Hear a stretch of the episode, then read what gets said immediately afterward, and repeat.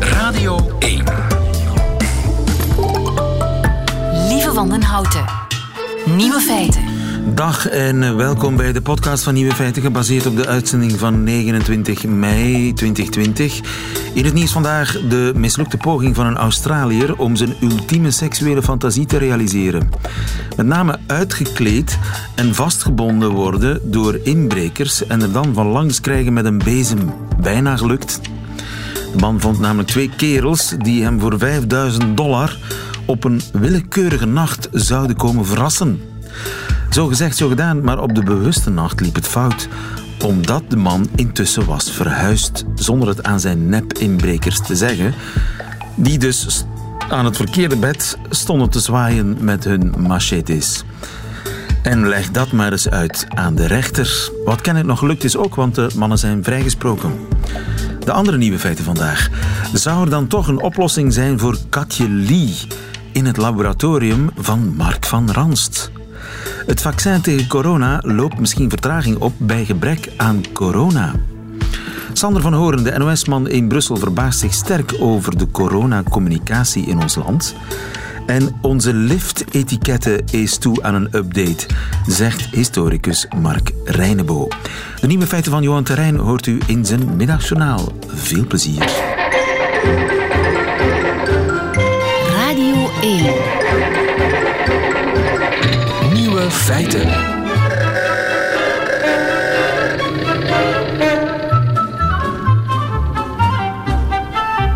Liftiketten. Kent u die uitdrukking? Ik vind hem eh, ter plekke uit eigenlijk, eerlijk gezegd. Liftiketten. Etiketten in de lift, die moet namelijk helemaal anders sinds de coronacrisis. Mark Reinebo, goedemiddag. Goedemiddag. Uh, liftboy vandaag, lift, Uh, ja. specialist, journalist in elk geval en eh, vooral ook historicus. Want ja, liftiketten, dat bestaat al zolang de lift bestaat. Hè? Dat is zo. En de lift eh, die bestaat nu ongeveer, zoals wij ze kennen, toch eh, anderhalve eeuw. En men heeft daar toch wel zeer lang over gedubt van hoe zit dat nu precies, omdat een lift toch iets vreemds is. Een, een rare mengeling waar je met vreemden toevallig samenkomt op een heel beperkte ruimte. Ook in een eh, ding wat we doorgaans een kooi noemen, een liftkooi. Je zit daar een beetje te wachten tot wanneer het voorbij is. En dat is altijd een beetje vreemd. Het geeft Ja. zo rare gevoelens. Wat Hoe moet je zich te gedragen in een hokje ter grootte van een toilet, waar je met z'n allen samen zit, was een belangrijke vraag bij de komst van de, van de eerste liften. Ja, omdat de, de- eigenlijk is de, de eerste vraag, omdat dat een aantal consequenties heeft. Wat is een lift? Is het een eh, wachtkamer waar je samen wacht tot je op een bepaalde verdieping bent? Of het is, is het een transportmiddel? Is Aha. het een is een lift een je- wachtkamer of een vervoersmiddel? Dat was een belangrijke vraag een- anderhalve eeuw geleden. Ja, ja, Want ja, ja. dat, dat bracht een aantal eh, ja, Dat regels met zich mee. In een wachtkamer golden of gelden andere etikettenregels dan Ja. in een koets. Is het een koets of een wachtkamer? Dat Wel, het is, eh, ja. Uiteindelijk is een consensus eh, gegroeid rond het idee. Het is een transportmiddel. Het is een manier om je te verplaatsen. Wat bevestigt dat je in een publiek transport, zoals de tram of de bus, eh, wat bevestigt dat je dus met vreemden bij elkaar bent. En dat heeft onder meer als gevolg dat een heer zijn hoed kan ophouden wanneer een dame die ruimte betreedt. Oké. Eh, omdat in een wachtkamer moet je de courtoisie hebben om eh, je hoed af te nemen. In een transportmiddel hoeft dat niet. Ja, dat dus mannen konden hun hoed ophouden. Ja. En Dat was de een idee. ander dilemma is natuurlijk spreken of Ja. discreet zwijgen. Ja, wat, eh, wat ook de consensus is geworden, ook omdat het een transportmiddel is, we doen eigenlijk een beetje alsof we alleen zijn, of althans dat we de anderen niet opmerken. Een vorm van onverschilligheid, omdat we maar voor korte tijd door toeval bij elkaar zijn gebracht, hoeven we ook niet eh, ja, met elkaar sociaal om te gaan. En je ziet dat ook in de manier waarop mensen in een lift stappen. Als ze in een lift stappen met tweeën, dan zie je ze gaan dan doorgaans de grootst mogelijke afstand tussen elkaar bewaren. Elk in een hoek diagonaal. Als er een derde bij komt, gaan ze een soort driehoek vormen. Komt er nog iemand bij, dan staan ze elk in een hoek van die, van die lift. Dus men doet alsof men er niet is en men kijkt doorgaans ook naar ehm, de deur. Men richt de blik in die richting Ja. ehm, met zo de subliminale boodschap. Eigenlijk willen we hier zo snel mogelijk weg. Ja, doen alsof de ander er niet is. Ja. Eh, elkaar niet aankijken. Hè?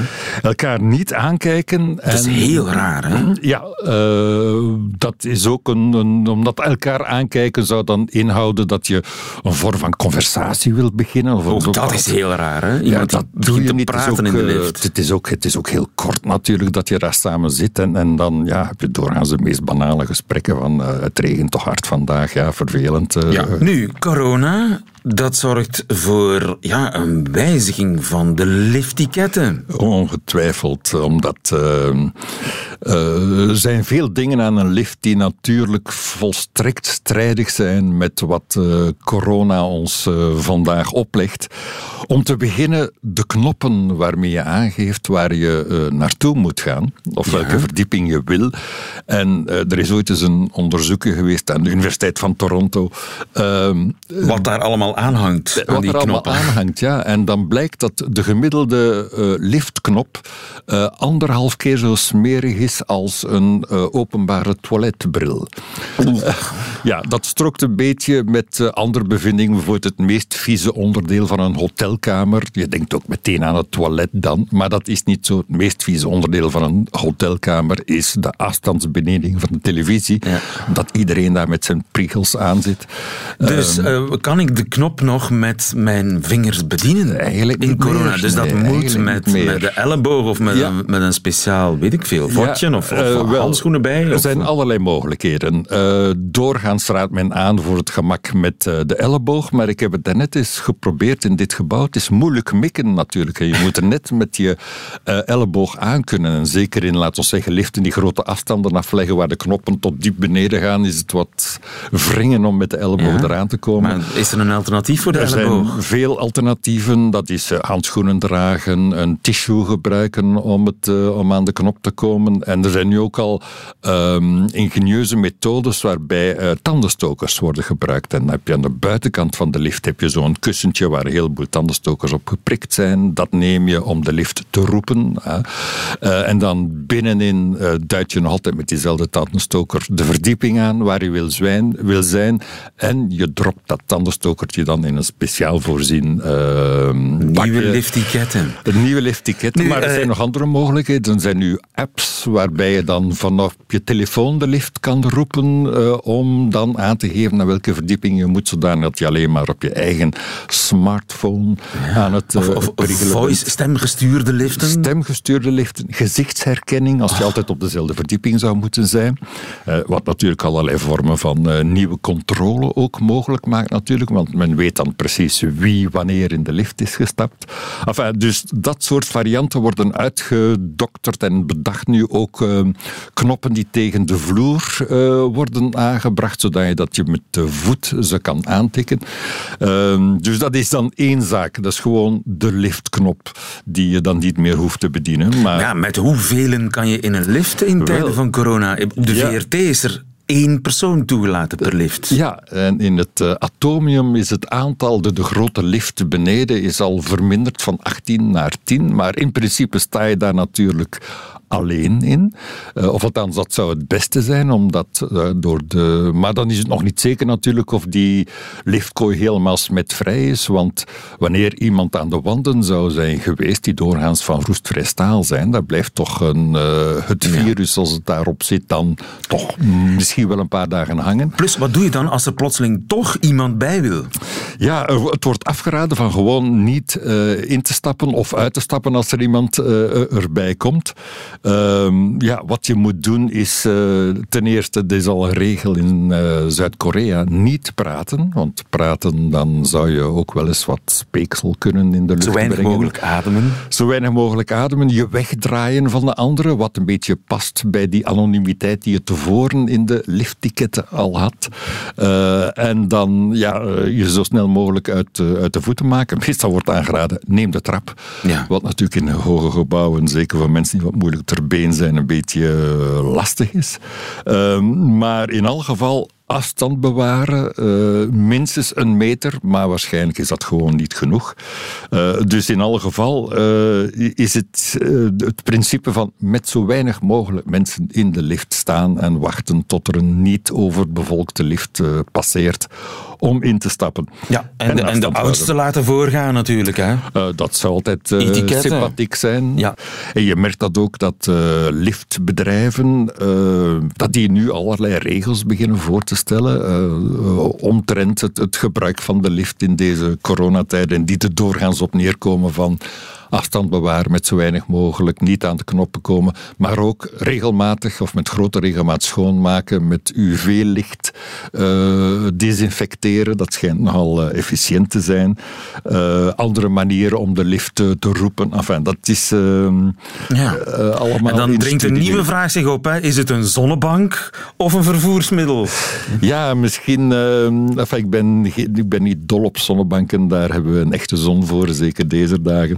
Maar uh, ik geloof niet dat dit echt uh, efficiënt zal zijn, omdat je in principe toch maar heel korte tijd in een lift staat. Uh, genoeg, denk ik, om eventueel het uh, coronavirus je te laten besmetten, maar te weinig om, om vakantiebruin uit de lift te stappen. Uit te stappen ja. Maar in ieder geval, er komt een nieuwe liftikette post-corona. Dankjewel, Mark Reinebo. Goedemiddag.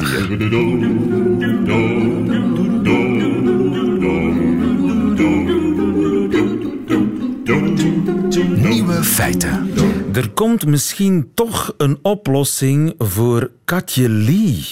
Mark van Ranst, de viroloog, zal Katje Lee misschien redden, want hij stelt voor om dat katje, dat bewuste katje dat ten onrechte vanuit Peru naar hier is gebracht uh, met schending van uh, de hondsdolheidsregels en de quarantaineregels. Hij stelt voor om dat katje in zijn labo in Leuven zo lang in quarantaine te houden. Goedemiddag, Steven van Gucht. Goedemiddag. U bent uh, hondsdolheidsspecialist ook, dierenarts. Uh, en klopt, de, klopt, de, man die elke dag de coronacijfers ten beste geeft van uh, Cienzano. Maar je bent eigenlijk ook een, een hondsdolheidsspecialist.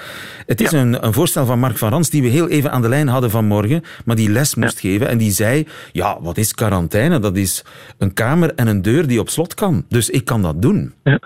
Ja, wel ja, dat is heel sympathiek van Mark, maar ik denk dat we toch een beetje moeten opletten om daar te lichtzinnig mee om te gaan.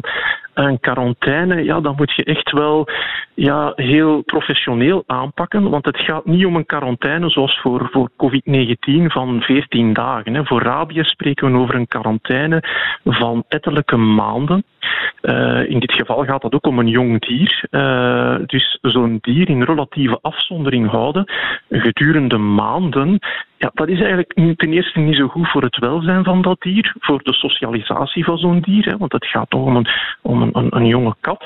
Uh, dus je mocht daar niet te licht mee omspringen. Normaal vraagt dat een speciale daartoe voorziene infrastructuur, met gespecialiseerd personeel. Mensen die ook gevaccineerd zijn tegen rabies. Want we mogen niet vergeten dat, dat moet. Dus je hebt mensen nodig die gevaccineerd zijn tegen Absoluut, rabies. want dat is juist de bedoeling. Ook al zijn die ja. helemaal ingepakt in beschermkledij. Uh, wel, dat zou zeer nefast zijn ook voor de socialisatie van zo'n dier. Eigenlijk moet je zo'n dier laten wennen aan normale mensen. Hè. Dus het is niet de bedoeling dat je daar in een astronautenpak binnenkomt. Een, rabiesvaccinatie is voldoende. Uh, maar dat is iets dat je dus wel heel, uh, heel professioneel moet aanpakken. En die infrastructuur momenteel in België, voor zover ik van het FAVV gehoord heb, is die niet beschikbaar. Uh, dat zou ook zeer duur zijn, hè, wanneer dat we dat willen gaan organiseren. Ja, als je dat voor deze kat doet, moet je dat in de toekomst ook voor al die andere honden en katten doen die geïmporteerd worden in België. En ik kan u zeggen, dan spreken we over duizenden honden, katten, pups, kittens die elk jaar geïmporteerd worden, waarvan er ook een aantal uit echte risicolanden komen. Dus we mogen daar echt niet lichtzinnig mee omgaan. Dan moet je heel doordacht aanpakken. Ja. Er bestaan momenteel alternatieve procedures die hier niet gevolgd zijn.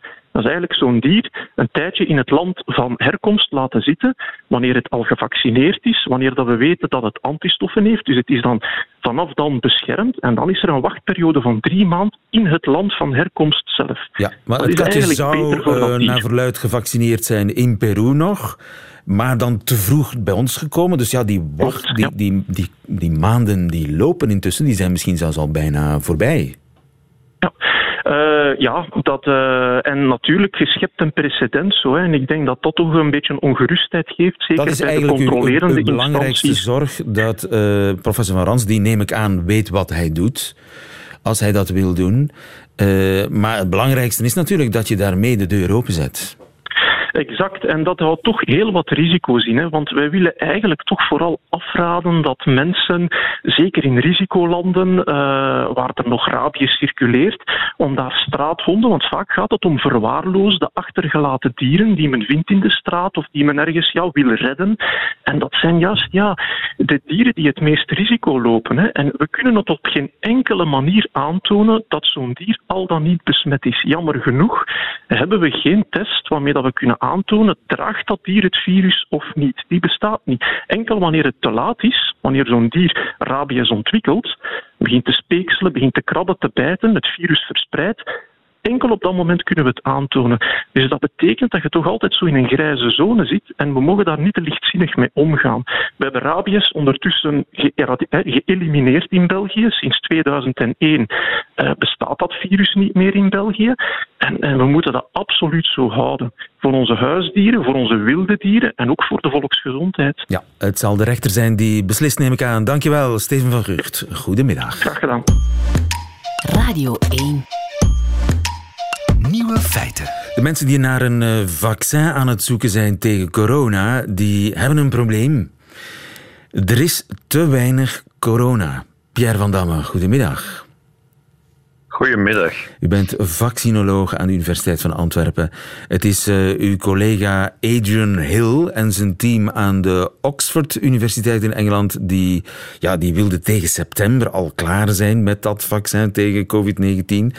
En eh, ja, zowel de Amerikanen als de Britten hebben al gigantische bestellingen gedaan van meer dan een miljard. Maar Adrian Hill is er lang niet meer zo zeker van dat het gaat lukken tegen september, want er zijn te weinig mensen ziek. Klopt dat? Eh, in zekere zin klopt dat. En, en de bedrijven die nu vrij snel zijn in de ontwikkeling van hun vaccin, waaronder eh, Adrian Hill in, in Oxford, en, en die kende man vrij goed, eh, die hebben hun fase 1-studie achter de rug. Dat wil zeggen, de eerste keer dat je dit soort van kandidaatvaccins gaat testen bij mensen, bij gezonde vrijwilligers. En dat heeft goed gewerkt in de zin van er waren geen veiligheidsproblemen. En ze zijn in staat om aan te tonen dat die mensen antistoffen ontwikkelen. Dus dat is heel belangrijk. Ze gaan dan over naar een fase 2-studie waar dat ze hetzelfde eigenlijk doen, maar dan in een groter, gro- grotere groep mensen, dus ongeveer een 500-tal mensen. En dat loopt nu of voor een aantal bedrijven zo goed als achter de rug. En dan mikken ze natuurlijk op de belangrijke fase 3-studie. En daar hebben we het nu juist over. Eh, in Engeland hebben ze een 10.000 vrijwilligers nodig en de helft zou dan het kandidaatvaccin krijgen, de helft krijgt niets. En dan kijken ze in de loop van het volgende jaar, of korter als dat kan, hoeveel mensen er ziek worden. Maar dat betekent dat we dan voldoende natuurlijke blootstelling moeten hebben aan COVID-19 of aan het eh, SARS-CoV-2-virus. En we doen natuurlijk alles eraan om dat zo moeilijk mogelijk te maken voor het virus, om, om die incidentie, om het aantal nieuwe gevallen zo laag mogelijk te houden. En dat betekent dat je dan niets gaat kunnen meten. Ja, Dus het, virus circuleert niet genoeg meer om die fase 3 te meten. Ja, dus je doet dat in een, in een, op een gerandomiseerde manier. Dat wil zeggen, ja, je weet op voorhand niet wat je krijgt. Hè. Je wordt gevaccineerd ofwel met een nepvaccin ofwel met het echte vaccin. Ze laten jou gewoon in de samenleving eh, rond te lopen. Ja. eh, in de veronderstelling dat je een bepaalde kans hebt om blootgesteld te zijn. En als die kans reëel is, ja, dan ga je vroeg of laat een verschil moeten meten tussen de mensen die potentieel beschermd zijn via het vaccin of niet beschermd zijn via dat nepvaccin. Maar als er geen virus niet meer circuleert, of zo goed als niet circuleert, dan kan je een schitterend vaccin hebben, maar je kan het misschien op dat moment ook niet aantonen via zo'n studie. Ja, en dat is net hetgeen dat waar we dat al die firma's eh, ja, Inderdaad, maar, dat hadden we toch kunnen weten. Want ja, als we het hele land in lockdown zetten en als we langzaam uit de lockdown komen, maar met mondmaskertjes op en sociale afstand, ja, dan is de kans dat je besmet geraakt inderdaad aan de kleine kant. Dat hadden we wel kunnen weten natuurlijk. Absoluut. Hè. En ik denk ergens eh, is, was dat ook geweten. Men heeft gegokt een beetje op het feit van hopelijk is er nog voldoende eh, ziekte en is er nog voldoende epidemieactiviteit. Eh, en dat klinkt nu heel cru natuurlijk, maar dat is hetgeen dat vaccinontwikkelaars ergens hopen om te kunnen aantonen dat het vaccin werkt.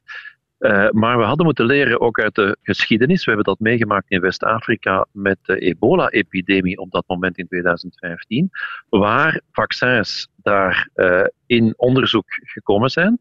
En één ervan was op tijd, op het moment dat de epidemie nog eh, heel actief bezig was en heeft kunnen aantonen dat het werkt. En het andere vaccin is op het einde van die epidemie gekomen, op het moment dat die epidemie uitdooft. En dan heb, heb je een schitterend vaccin dat je, waarvan je niet kunt aantonen dat het werkt. En dat is heel frustrerend. Ja. En nu komen we een beetje in diezelfde situatie. Of we moeten hopen bijna dat er een tweede golf komt. En natuurlijk, niemand wil dat meemaken. maar Ja, dan niemand wil daarop zitten wachten ook. testen.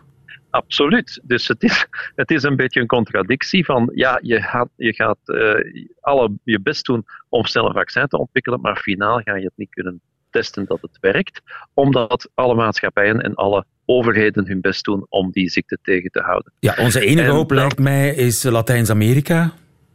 Klopt, ja. En Toch? daar wordt dus naar gekeken. Dus Ah, eh, bepaalde, ook, ook Chinese bedrijven zijn nu aan het bekijken of dat ze hun fase 3-studie in Latijns-Amerika kunnen gaan doen. Maar tegen dat dat allemaal opgezet is en door ethische commissies en regelgevende autoriteiten is goedgekeurd, ja, daar passeren ook weer een aantal maanden en zou het best kunnen dat tegen dan de epidemie ook aan het uitdoven is.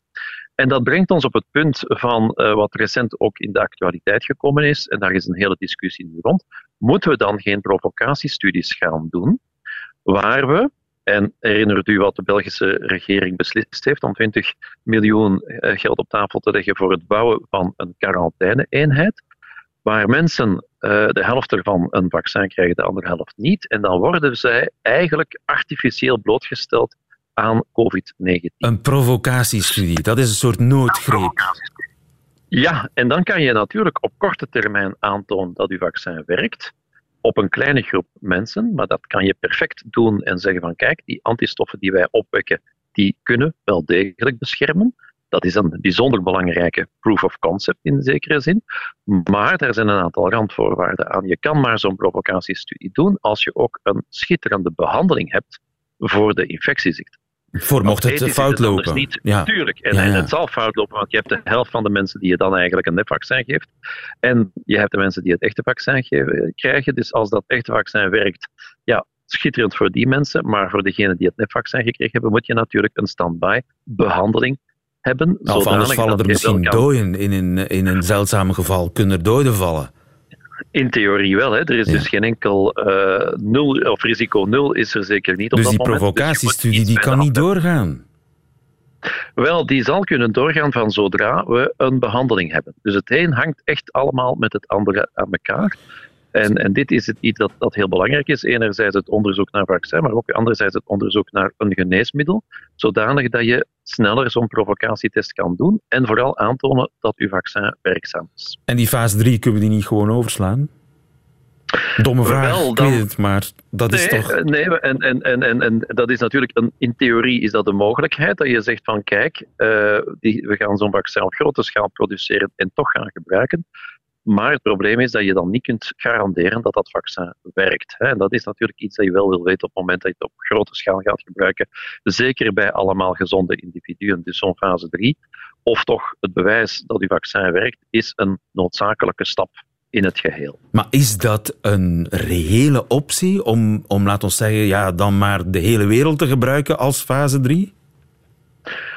Nee, wat je wel zou kunnen doen is, eh, en dat, dat zijn natuurlijk, alles hangt ervan af van de urgentie waar dat je het vaccin voor nodig hebt. Als je zegt van kijk, het is terug aan het opkomen en de Wereldgezondheidsorganisatie kan beslissen om uh, een, wat men noemt een emergency use license te gaan toepassen. Dus men gaat zeggen van kijk, in extreme omstandigheden kun je een vaccin gaan gebruiken waarvan nog niet helemaal is aangetoond dat het werkt. Dat is zeer uitzonderlijk. En ook de Wereldgezondheidsorganisatie zou veel liever hebben dat je dan eventueel een aantal andere studies zou hebben, bijvoorbeeld provocatiestudies of bijvoorbeeld studies bij uh, apen, waar je toch iets meer weet over de kwaliteit van die antistoffen en dat, waarbij apen dan wel worden uh, uitgedaagd, dus een provocatie ondergaan om te tonen dat die antistoffen wel degelijk werken.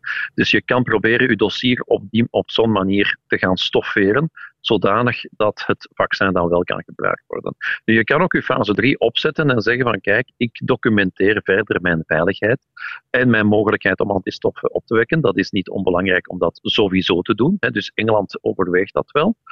Uh, om op die manier meer documentatie te hebben over uw vaccin. En dat kan natuurlijk ook de regelgevende autoriteiten sinds overtuigen op vlak van veiligheid van een vaccin. Ja. Maar je zal altijd dat stukje bescherming ook moeten meenemen in uw verhaal. Het wordt een hele spannende race en de vraag of september gehaald wordt, ja, dat, uh, dat we zullen zien in september, hè? Maar... Wel, daar denk ik dat iedereen iets te optimistisch geweest is die die uitspraak gemaakt heeft. Of dat het nu Trump is of de mensen van Oxford. Ik denk dat het meer realistisch is wat de Wereldgezondheidsorganisatie altijd gezegd heeft. En ook een aantal andere bedrijven van laten we mikken op medio 2021 of de tweede helft van 2021. Dat lijkt mij alleszins realistischer. Pierre van Damme, dankjewel. Goedemiddag. Graag gedaan. Nieuwe feiten. De ontdekking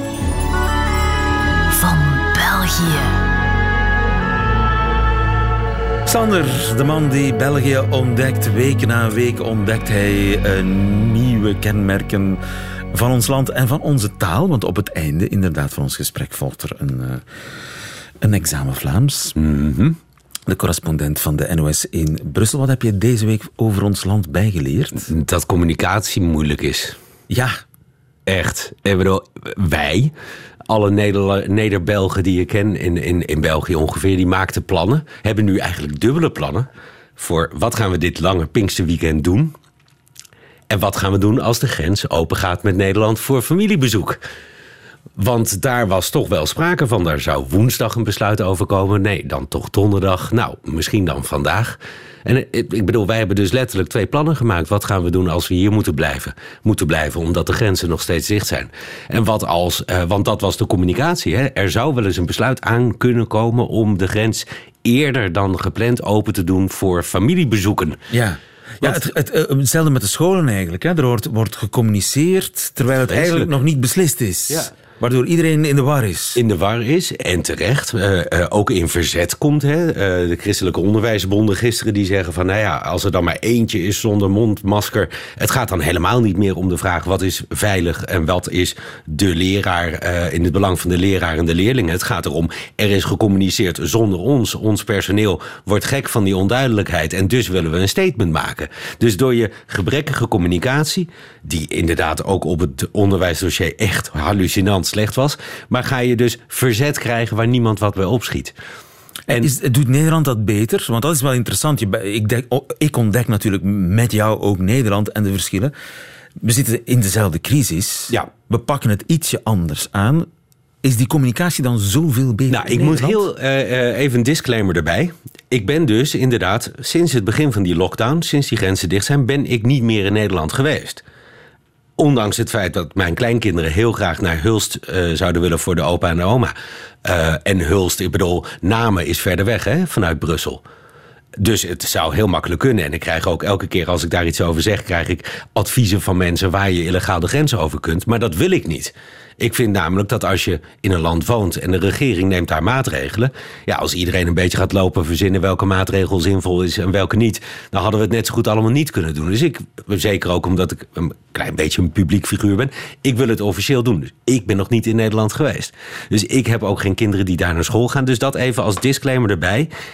Ik heb het idee, antwoord op je vraag. Ja, in Nederland gebeurt dat beter Omdat er maar één regering is. Het maakt het oneindig veel makkelijker. Want ik bedoel, hier heb je natuurlijk ehm, de, de, de Vlamingen die uh, de economische motor willen laten draaien. Waar een bepaalde cultuur heerst die misschien wat minder bij Frankrijk hoort dan de Walen hebben. En dat zorgt voor verschillen. Dat zorgt voor communicatieproblemen. Dat zorgt voor scholen in Vlaanderen die uh, een, vlak voor het weekend open gaan. En die in de rest van het land vlak erna. Draagt ook niet bij aan de duidelijkheid. Maar dan nog kun je strakker communiceren. Alleen hier zie je, volgens mij, op het moment dat de dreiging van het virus minder wordt, er dus versoepeld wordt, dat al die Vlaamse en Waalse en Brusselse ballen weer die bak doorspringen. En nou daar pluk je dan. Nog een minister. Oh, kijk, nog een minister. En daar pluk je dan de wrange eh, vruchten van. En dat gaat in Nederland nog altijd beter. Daar heb je die ene premier staand achter zijn katheder. We hebben het vorige staand. week. Ja, dat is belangrijk. Dat vind ik wel. Ik bedoel, als je zit, je zit al snel wat voorover. Je kijkt al snel meer naar beneden op je papier, waardoor de luisteraar ziet het nu niet. Maar ik zit nu naar de tafel te kijken. Jij kan mijn ogen niet meer zien. Als ik sta achter een katheder, ik ga nu ook staan. Ja. De borst gaat naar voren. Okay, de communicatie is open. Tadaa. En het is veel overtuigender. Het is veel krachtiger. Dus Wilmes, in elk geval, ga staan en communiceer. Ik bedoel, overrule al die, die, die uh, gewesten. En die, nou, dat kan niet in België, ik weet het. Maar uh, dat had het in elk geval minder uh, moeilijk gemaakt. Ja. Communicatie is uh, heel erg belangrijk en uh, verschilt heel erg. Uh, in... Niet dat het in, maar de, de, omgekeerde is ook zo. Hè? In Nederland zie je op het moment dat er halfslachtig of te vroeg of niet, niet eenduidig gecommuniceerd wordt, zie je het ook misgaan. Ook op het gebied van corona. Hier bijvoorbeeld die contactonderzoeken. In Nederland is onze minister van Volksgezondheid daar veel minder stellig in. Hij zegt wel van ja, contactonderzoek moet essentieel onderdeel zijn van de exit-strategie. Maar de GGD's zeggen van ja, kom dan met aanwijzingen. En die komen er niet. En dus zie je dat iedereen toch nog maar weer een beetje blijft doen. Anders dan hier in uh, uh, België, waar dat vanaf het begin veel strakker gecommuniceerd is, veel eenduidiger is aangepakt. Dus ook in Nederland, op het moment dat de communicatie het laat afweten, zie je dat. Uh, iedereen over elkaar heen buitelt en elkaar de schuld geeft en dat soort ja, dingen. Communicatie, heel belangrijk.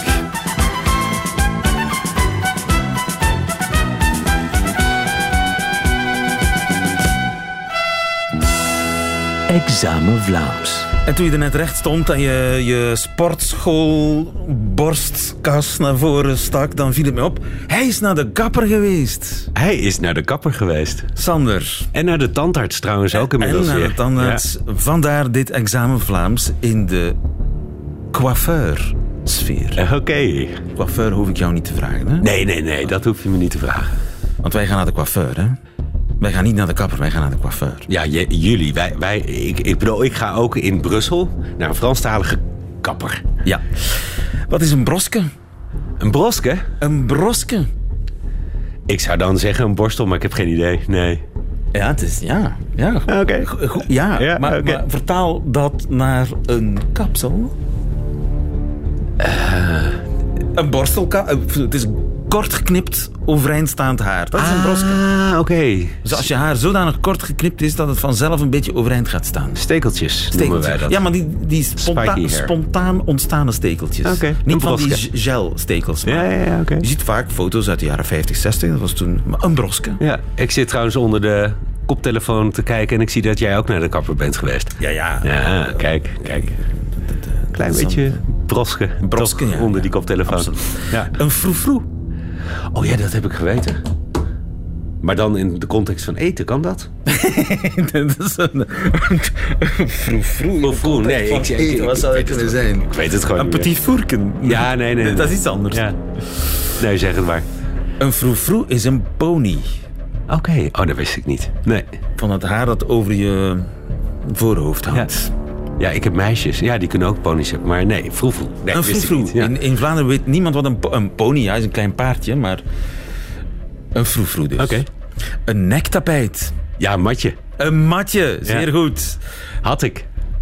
Oh nee. Ja, nee, ja, kon er niks aan doen. Drieënhalve maand niet naar de kapper. Dat gaat ah ja, ja oké. Okay. Oef, ik dacht al dat dat er in combinatie Vroeger, was nee, met, nee, met nee, je, met je nee. Ramstein-afwijking. Ja, nee. Pelletjes. je kijkt me aan. Pelletjes. Pelletjes? Pelletjes. Bij mannen of bij vrouwen? Hmm, allebei, maar het komt wel... Ja, ja nee, het komt, je ziet het meer bij mannen. Bij mannen bakkenbaard? Nee. Nee, nee, nee. nee. Oeh, hij heeft pelkes. Nee. Schilfers. Schilvers. Ja. Roos. Roos, Ah, inderdaad.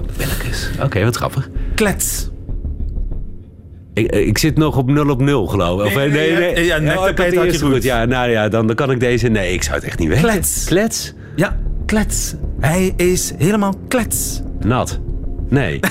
Kletsnat? Nee, ja, geen idee. Ja. Sorry. Kaal. Kaal. Oh ja? Ja, en dus een kaalkop is een... Kletskop. Een kletskop. Nee. Maar natuurlijk. Oké. Meshen. Nog een keer? Meshen. Meshen. Mooi, mooi hoor, die meshen. Ja, ook de Oh, technicus heerlijk, die die zit maar stiltes. aan te knikken van... dit weet je toch gewoon? Maar nee, sorry. Het was een tijd lang in de mode. Meshen. Highlights. Highlights. Van die, van die uh, witte, Ja, ja, witte strepen. Ja, Ja. ja meshen. Coupe Soleil. Coupe, coupe, so- coupe Soleil. Daar zijn we het over eens. Hebben wij ook. Dankjewel, Sander. Goed gespeeld. Tot- Gefaald. Tot, tot volgende week. Nieuwe feiten. Dat waren ze, de nieuwe feiten van 29 mei. Alleen nog die van Johan Terrein krijgt u in zijn middagjournaal. Nieuwe feiten. Middagjournaal. Beste luisteraar. Nu we stilaan het quarantaine in zicht krijgen. Oeps, ik had u beter gewaarschuwd voor die woordspeling. Het quarantaine dus. Neem ik graag eens een momentje samen met u om te kijken hoe ik dat eigenlijk heb overleefd al die weken. Zo kan ik voor mezelf een Excelletje maken, een soort strikt stappenplan, dat ik een volgende keer gewoon kan openklikken en naleven. Tenzij het dat keer om een computervirus gaat natuurlijk. Ik leg best ook nog een afdrukje in de bureaulade. De titel luidt als volgt: Wat te doen als je wereld instort. Klinkt een beetje dramatisch, maar ik gebruik graag titels die mijn aandacht trekken. Wat te doen als je wereld instort. Stap 1: eet 700 zakken chips. Paprika of pickles, dat hangt er vanaf wat je het liefste lust. Stap 2: staar naar het plafond. Stap 3: denk na over de dood. Stap 4: google jezelf een bult. Ik onderbreek even om te vertellen, gewoon omdat ik er nu aan moet denken, dat ik in deze fase hard heb moeten lachen met iemand op Facebook die een foto van zijn plafond postte met als bijschrift ik ben genomineerd om tien dagen lang een plafond te kiezen dat me sterk heeft beïnvloed. Geen uitleg, alleen een foto. Ja, je had het moeten zien verschijnen plots op je wall. Het was echt lachen. Maar we gaan verder. Stap 5, slaap jezelf te pletter. Stap 6, ga een keer wandelen. Stap 7, ga een keer wandelen met iemand. Stap 8, ga een keer wandelen met iemand bij zonsopgang. Stap 9, word een nieuwe mens. Stap 10, bouw een betere wereld. Beste luisteraar, ik weet het, dat ging plots rap op het eind. Maar ik leer uit deze Excel-sheet dat stilvallen soms nodig is om energie vrij te maken, om nieuwe initiatieven te nemen, om een breder perspectief te zien, om nederig te voelen dat we allemaal verbonden zijn met elkaar en afhankelijk van elkaar. Nu we stilaan weer op gang komen, loop ik rond met het volle besef: laten we geen slagbomen zijn voor elkaar, maar hefbomen. Oké. Die zet ik op een tegel. Bond zonder naam, eet je hart uit.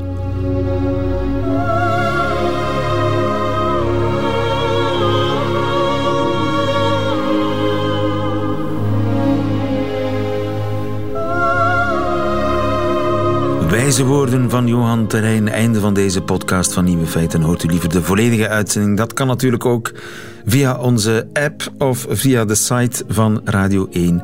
Daar vind je nog veel meer fijne podcasts. Tot een volgende keer.